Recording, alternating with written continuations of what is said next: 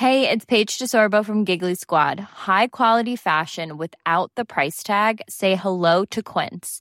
I'm snagging high-end essentials like cozy cashmere sweaters, sleek leather jackets, fine jewelry, and so much more. With Quince being 50 to 80% less than similar brands. And they partner with factories that prioritize safe, ethical, and responsible manufacturing. I love that. Luxury quality within reach. Go to quince.com slash style to get free shipping and 365 day returns on your next order. Quince.com slash style. Hiring for your small business? If you're not looking for professionals on LinkedIn, you're looking in the wrong place. That's like looking for your car keys in a fish tank.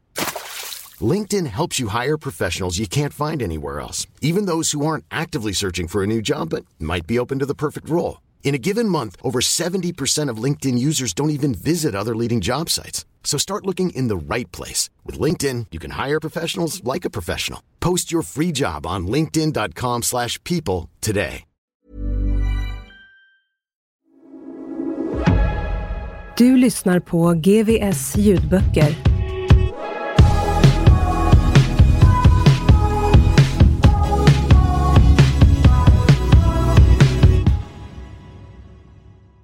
Nytt kapitel. En ojämnhet i vägen fick bussen att hoppa till. Wyatt's svettiga panna slogs mot fönstret. De kisande ögonen såg vitt ljus övergå i gult innan konturerna av ett landskap där utanför sakta växte fram. Luften låg tung mot den klibbiga kroppen. Han tog ett djupt andetag. Det kändes tomt på syre.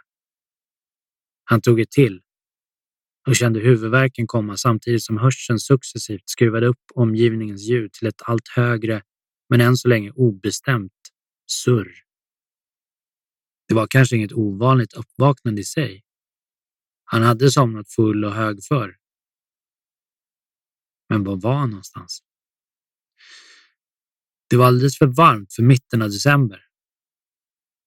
Landskapet som sakta tog form utanför var definitivt inte svenskt.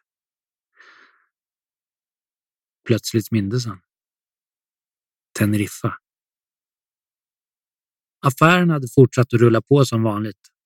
Även efter sammanslagningen med Wolfpack och framåt årsskiftet bestämde sig Aje, Branko och de andra för att fira sina framgångar med en resa som betalades med delar av överskottet från kassan. Det var bara några veckor kvar till millennieskiftet att få en resa med knappt en veckas framförhållning skulle visa sig vara svårt. Till slut lyckades de i alla fall boka ett gäng biljetter till Teneriffa. Shishi hade varit där ett par gånger tidigare och han lovade att ingen skulle bli besviken. Aje, Shishi och några andra bokade resan till mitten av december. Damien och Willy skulle komma strax efter, innan jul. Men först skulle Aje flytta. Han kände sig visserligen hemma överallt på hissingen. Men den nya adressen, bara ett stenkast från barndomshemmet på Myntgatan, hade en alldeles speciell betydelse. Trean på Jägaregatan låg i samma uppgång som lägenheten Damien vuxit upp i. Bara ett par meter skilde de två dörrarna på det tredje översta våningsplanet åt. Lägenhetslängans träpanel hade målats om utvändigt, men mattställningen utanför huset stod kvar. Den såg exakt likadan ut som när Aje och Damien möttes första gången på gatan nedanför Ramberget. När han sträckte på ryggen hade Aje precis nått upp till ställningens nedersta stång med sitt hår. Damien hade varit tvungen att stå på tå för att nå upp till samma höjd med sitt huvud. Drygt tio år senare var längdskillnaden ungefär densamma. Men den översta, då ouppnåeliga stången var numera i höjd med Ajes haka. Ajes minnen från dagarna innan avresan var fragmentariska. Han hade lånat en skåpbil av en bekant för att flytta sina saker. Efteråt var bilens bakdörr trasig. Ägaren hade blivit arg. Aje hade blivit argare. Det hade blivit bråk. Samtidigt satt Patrik häktad och media skrev saker om klubben som i Ajes ögon inte kunde kallas annat än skitsnack. Enligt tidningarna hade han och hans bästa barndomsvänner tydligen gått med i ett nazistgäng. Polisen låg plötsligt på ännu hårdare och tidningarna slog på stora trumman. På flygplatsen hade han köpt en flaska Famous Grouse och en flaska Baileys till resan. Den första var nästan slut när flygplanets personal tog den ifrån honom och han smusslade fram flaska nummer två. Fem av planets resenärer skrattade och skrek. De andra var antingen förbannade eller rädda. Sen svart. Gult. Ännu ett syrefattigt andetag och Aje tittar upp. Hans panna lämnar tydliga spår på fönsterrutan. Oljudet runt honom började ta form. Blev till ord. Shishi vände sig om från sätet framför med ett brett flin. Tjenare, fan vad du blir trött då. Jobbig resa eller? Din sjuka jävel. Aj vill inte veta. Skrattade utan att veta exakt varför och grävde i fickan. Än så länge var den avlägsen. Men han visste att verkligheten fanns kvar där och att den var ute efter honom. Han fick upp några piller i handen. Den receptbelagda medicinen hette Rohypnol och tillhörde den lugnande och ångestdämpande läkemedelsgruppen bensodiazepiner. Sedan farmors död fick han dem på recept för ångest och depression. En läkare han en gång hjälpt med en skuld skrev ut medicinen. Det tar vi på goda relationer, hade han sagt. Och Aji försåg sig själv. Det var inte svårt att få tag i. Receptet var helt enkelt en garanti vid de urinprov som polisen tvingade honom till med jämna mellanrum. Hans pillerkonsumtion hade eskalerat och han satt ofta på krogen med en stor stark och en pillerburk framför sig. Bedövningen var nödvändig. Har du vatten eller? sa han och tittade frågande på Kishe som räckte honom en flaska whisky. Han drack. När de klev av bussen vid hotellet möttes gänget av en ljum vindpust från stranden. Aje satte på sig solglasögon och tittade på sina vänner. Bara Shishis breda flin och barnsligt nöjda uppsyn fick honom att skratta igen. De gick direkt till baren. För Aje handlade inte resan först och främst om att festa utan att komma bort från verkligheten där hemma. Från ständiga mobilsignaler och skottsäkra västar. De första kvällarna gick det vilt till. Men sen började han dra sig tillbaka till hotellrummet när de andra drog ut på stan. Han satt själv på balkongen, smuttade på en whisky och tittade på solen när den gick ner över havet. Det handlade inte så mycket om att samla sina tankar eller fundera över sitt liv. Det vill han helst av allt slippa. Utan om att njuta av att kunna koppla av. Här fanns inga mobiltelefoner som ständigt ringde. Inga affärer som måste skötas eller order att ge. Här kunde Aje bara sitta och varva ner. På julafton åt han en god middag med Willy på en brittisk restaurang bredvid hotellet medan de andra festade vidare för fullt. Det var ändå det här livet Aje ville leva. Varmt klimat, lugn och ro, god mat och bra service. Inga bekymmer som kunde vända världen upp och ner över en dag. Visst gillade han den gangsterromantiserade livsstilen precis som de andra, men inte på samma sätt. Han hade först och främst gått in i det här livet med en dröm om något bättre. Och det var dagar som de på Teneriffa som han påmindes om just det. Ett nytt millennium var en bra utgångspunkt för att låta drömmar bli verklighet, tänkte han. Nytt kapitel. Ingen hade trott att det skulle gå igenom. Ingen förutom Aje själv. Även om han också hade sett det som något av en chansning. Pappren hade legat hos Skatteverket över jul och nyårshelgen och nu var det bara att hoppas att beslutet kom iväg så fort som möjligt. Bara ett par dagar efter hemkomsten från Teneriffa ringde det på en mobiltelefon som bara var avsedd för ett väldigt specifikt samtal från en lyckad affärsman med tvivelaktiga planer för ett av hans mindre lyckade företag. Han kan åka nu. var precis det klartecken som Maja hade hoppats på. Innan årsskiftet hade mannen som ringde skrivit över ett aktiebolag på en målvakt som mot en i sammanhanget billig peng nu stod som dess ägare. Det fanns mycket pengar i företaget Men räkningarna överskred tillgångarna med råge och konkursen var oundviklig. Med andra ord fanns det en möjlighet att slakta bolaget. Plocka ut alla dess tillgångar och se till att den som fick ta smällen inte hade något att förlora. Mannen hade kommit till Aje med önskan om att hitta en person som kunde skrivas in i företaget för att hämta ut pengarna på ett så trovärdigt sätt som möjligt. Det verkade som han hade lyckats. Aje fick namnet på en bank och ett klockslag. Sen var samtalet över. Redan samma eftermiddag mötte han upp Dennis vid McDonalds på Backaplan. Det gällde att handla snabbt, men utan att göra något förhastat. De tog en liten åktur för att gå igenom alla detaljer innan de fortsatte in mot stan och ett av Göteborgs större bankkontor. Uttagssumman hade bestämts till en halv miljon kronor. Det var mycket pengar att lägga i händerna på en oprövad ung kille. Men Aja hade vidtagit säkerhetsåtgärder. Om det var någon som var orolig för att något skulle gå fel så var det ynglingen med den svarta attachéväskan som gick in genom bankens dörrar den här eftermiddagen i januari 2000. Eller möjligen den kostymklädde mottagaren som i hemlighet satt och vaktade i en bil tvärs över gatan.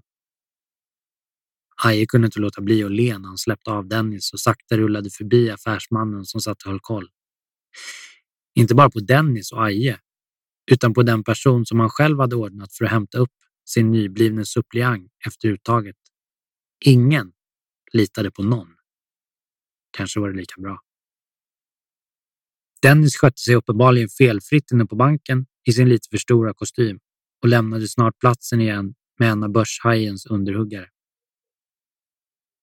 Pengarna kördes direkt till ett kontor i närheten och redan samma dag kunde Aje vandra in i vimlet av dyra kostymer och ta hissen upp till de stora ljusa affärslokalerna. Fem minuter senare var han på väg därifrån med närmare 200 000 kronor extra på fickan. Han kunde inte minnas när så lite tid och så små risker senast hade genererat så mycket pengar till den gemensamma kassan. Samma kväll kallade han till möte på Bamboo Barbecue nere vid Skeppsbroplatsen. Varför då? hade Shishi frågat med illa dold nyfikenhet. Vi ses där bara, svarade Aje oberört. Branko och Damien och de andra hade varit lika nyfikna och undrande infunnit sig på restaurangen samma kväll. Glädjen runt bordet inne på den mongoliska restaurangen gick inte att ta miste på. Funkar det? Jävlar! Du borde fan bli affärsman på riktigt, Aje. Framåt småtimmarna förflyttade sig sällskapet till ett hotell som låg runt hörnet.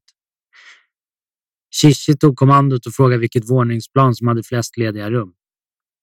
Då bokade jag alla rummen där, utbrast han så fort svaret kom. Snart var festen i full gång. De tycktes ha hela korridoren för sig själva och gästerna strömmade till i rask takt. Det var en salig blandning av yrkeskriminella, strippor och andra bekantas bekanta som kom och gick och kom tillbaka igen. Kokainet passerar rummen i en stridström och festen verkar aldrig vilja ta slut. Men efter två dagar med utsikt över hamnen hade i alla fall Aje fått nog. Han hade affärer att sköta och tog en taxi hem för att sova av sig ruset. Två veckor senare var han på väg hem från ett möte i Fyrklövern när han såg Shishi komma gåendes längs med trottoaren. De hade inte hört sedan Aje lämnade sin vän i virrvarvet på hotellet. Ja, vart är du på väg då? Riverton, pustar Shishi. Va? Är ni där igen? Nej, vadå? Det är fortfarande fest. Jag har bara varit hemma och duschat.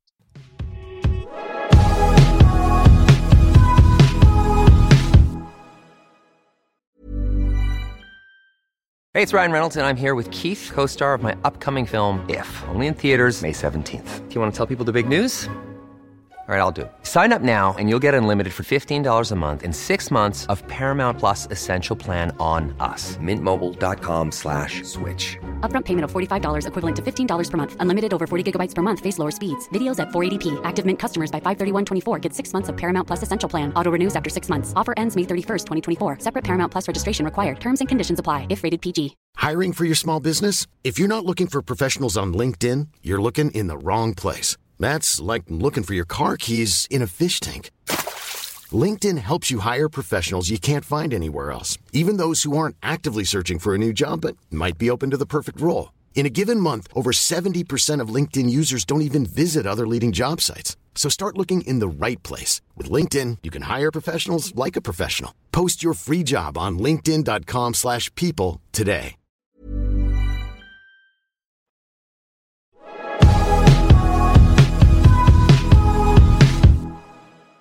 Del 5 Bröder Med organiserad brottslighet avses att flera personer misstänks samverka i allvarlig brottslighet. Med allvarlig brottslighet avses bland annat grovt narkotikabrott, grov narkotikasmuggling, handel med bilar, vapen, sprit, cigaretter och andra varor. Ur Riksåklagarens författningssamling 2001 kolon 9. Polisassistent Simon Albu kände igen de två männen direkt när han passerade den gamla porslinsfabriken vid Kville med sin bil.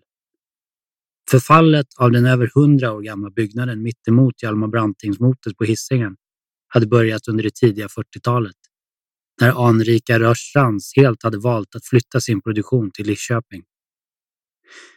Sedan 80-talet hade området stått öde och tjänade numera inget direkt syfte. Så vad gjorde då Aje och Willy?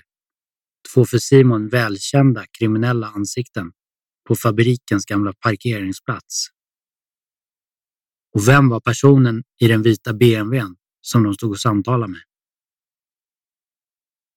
Klockan var tio i sju på kvällen den 23 augusti år 2000 när Simon parkerade sin bil drygt 50 meter ifrån de tre männen och upprättade en spaningspromemoria. Han noterade tidpunkten och fortsatte att iaktta männen ifrån sin bil. Mellan fem och tio minuter han passera innan personen i den vita BMWn vred om nyckeln och startade sin bil. Aje och Willy stod snart ensamma kvar på parkeringen. De såg sig omkring och fingrade oroligt på sina mobiltelefoner. Simon följde dem med blicken medan de började vandra bort mot ett buskage dryga 20 meter från parkeringen. Från sin spaningsposition hade han svårt att se vad de gjorde vid buskarna. Men några minuter senare kom de tillbaka. Återigen plockade de upp sina mobiltelefoner och såg ut att ringa varsitt telefonsamtal. Strax därpå kom en vit Nissan Micra och en svart BMW 850 till platsen. Simon såg hur Aje och Willy pratade med förarna och när bilarna lämnade platsen noterade Simon att Aje nu bar en vit hoprullad påse i sin högra hand. Han visste inte varifrån den kom, men hans misstankar om dess innehåll stärktes när männen på nytt begav sig bort mot buskaget bortom parkeringen. Willy stannade upp och såg sig omkring medan Aje försvann in i buskarna för att återvända tomhänt en stund senare. Simon såg sina spaningsobjekt lämna platsen och försvinna utom synhåll. De hann precis beställa in varsin öl på Adas innan de greps. I buskaget längs med parkeringsplatsen skulle en polishund strax senare hitta en vit plastpåse lindad runt ytterligare en påse.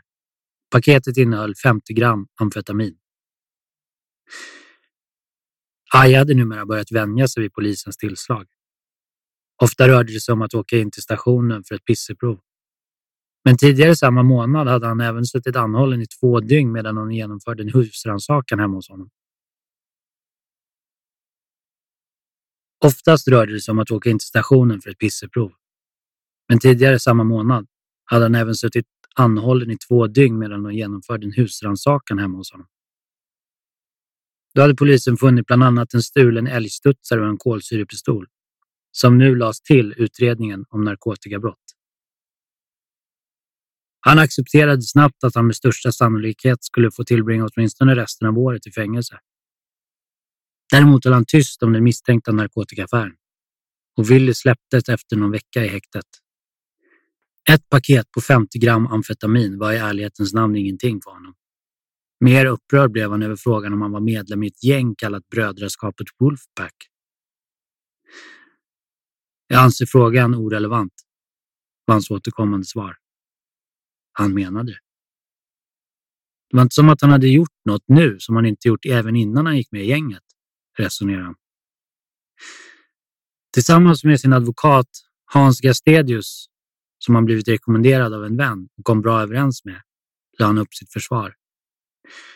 Han berättade sin version om vad som hade hänt. Om att han hade hittat påsen på marken och sedan slängt den ifrån sig så fort han insåg vad den innehöll. Några namn nämnde han inte, utan i förhör och efterföljande rättegångshandlingar kallades Willy och de andra konsekvent för kompis 1, kompis 2 och så vidare. När förhandlingarna avslutades beslutade rätten att Aje skulle stanna i häktet i väntan på domen. En natt, några dagar innan domen föll, satt Aje i sin cell och hade svårt att sova. Han lyssnade till hur två andra i häktet skrek till varandra genom celldörren. De var uppenbarligen inblandade i något tillsammans och först tyckte Aje mest att det var märkligt att de fick sitta så nära varandra. Men efter ett litet tag så började han istället intressera sig för vad de pratade om. De hade gripits tillsammans i en bil som det funnits vapen i och nu satt de båda två misstänkta för vapenbrott. Deras plan verkade vara att den ena av dem skulle ta på sig skulden så att den andra skulle kunna gå fri. Och eftersom det inte fanns några fingeravtryck på vapnen handlade diskussionen som nu fördes genom cellgången om vem som skulle ta på sig ansvaret. Aje funderade en kort stund innan han reste på sig och slog näven i sin celldörr. Hallå? Det tystnade en stund. Han bankade två gånger till innan han fortsatte. Hallå? Ni med puffrorna? Ja, hördes från killen i cellen bredvid Ajes. Vapenbrottet. Vadå? Lyssnar. Aje förklarade för dem att han hade en bättre idé. Att ingen av dem behövde ta på sig skulden. Sen fortsatte han med att lägga upp deras försvar. Efter att ha försäkrat sig om att bilen inte var skriven på någon av dem sa han att båda skulle neka till anklagelserna. De skulle säga att de bara disponerat över bilen men inte hade vetat någonting om att det fanns några vapen i den. Fanns det inga tekniska bevis som band dem till brottet så skulle det vara svårt, för att inte säga omöjligt för åklagaren att få dem dömda mot deras nekande. De fortsatte diskutera försvaret en stund och innan Aje gick tillbaka till sin madrass lät det som att de två killarna bestämt sig för att de skulle följa hans linje. Någon dag senare ett par erfarenheter rikare dömdes han själv till ett års fängelse för bland annat vapenbrott, narkotikabrott och häleri. Frigivningen sattes till april 2001. Aje klev in i väntcellen på väg till transportbussen som skulle ta honom till anstalten Högsbo. Han var irriterad, nedstämd. Men han hann knappt kliva in i rummet innan han hörde en röst som omedelbart gjorde honom på betydligt bättre humör. Herre jävla Raje, du skulle passat på när du var ung istället. Kalle Hulkunens kantiga finska brytning var som musik i Ajes öron och båda två började genast att skratta. Under tiden på Högsbo skulle den gamle vännen från GKK vara en ständig källa till skratt. Kalle drog aldrig jämt med personalen på anstalten och tyckte framför allt att reglerna och rutinerna var alldeles för otydliga och mjäkiga. Vad är det här för jävla Kalle Anka-anstalt? Skicka mig till Tidaholm istället, var hans kommentar mer än en gång när han blev arg på något eller någon. Han var van vid hårdare tag på fängelserna från ungdomsåren i Finland. När han vid ett tillfälle på 80-talet hamnade på öppen anstalt hade han rymt bara för att kunna bli placerad på en sluten anstalt istället. Där trivdes han. Tiden innanför murarna fördrev Kalle helst med att snida ut olika saker i koppar. Det hade han lärt sig av en gammal medfång i Finland. Och Aje imponerades av hans spegelramar och lampetter. Aje och Kalle försökte också träna tillsammans så regelbundet som möjligt. Det var lättare att koncentrera sig på träningen inne på anstalt, där inget annat distraherade dem. Kalles största fiende var spriten, som förstörde många träningsveckor på utsidan och i allhetens namn låg bakom de flesta fängelsevisterna på ett eller annat sätt. Under de perioderna han tävlade i styrkelyft kom han ofta till tävlingarna i handbojor med två kriminalvårdare hack i häl.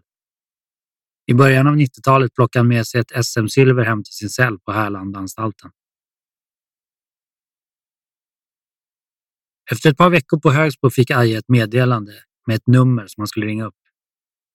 Utan att veta vad det handlade om slog han siffrorna och hörde hur signalerna gick fram. Hallå? Hallå? Vem är detta? Vem är du? Det här är Aje. Jag har fått ett meddelande från det här numret. Aje?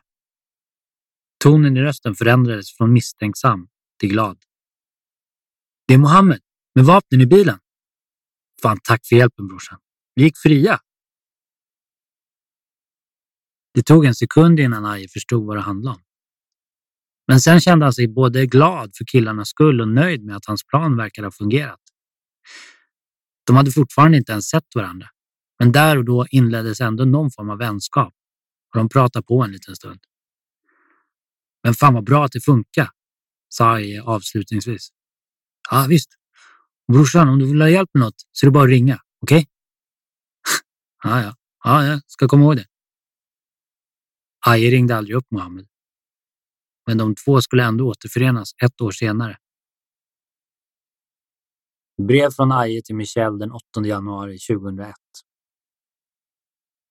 8 i första 01. Ett år äldre. 24 år igår.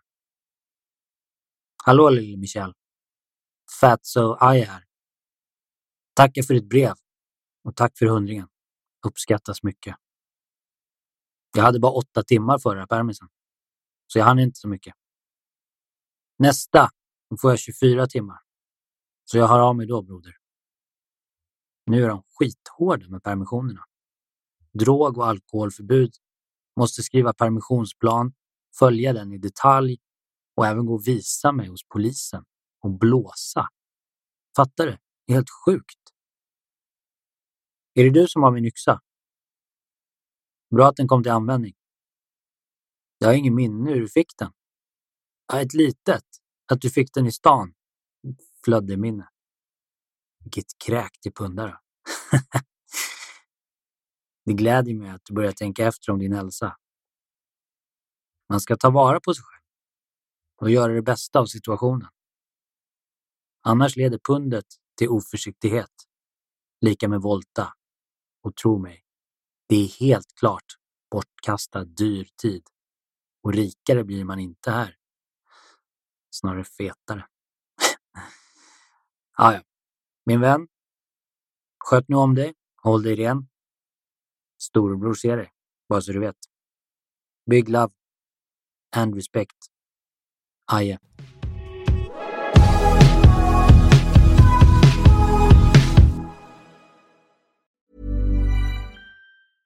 Hey, it's Paige DeSorbo from Giggly Squad. High quality fashion without the price tag. Say hello to Quince.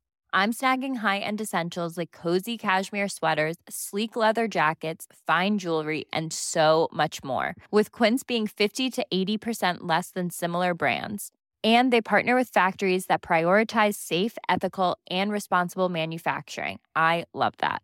Luxury quality within reach. Go to quince.com slash style to get free shipping and 365 day returns on your next order. Quince.com slash style.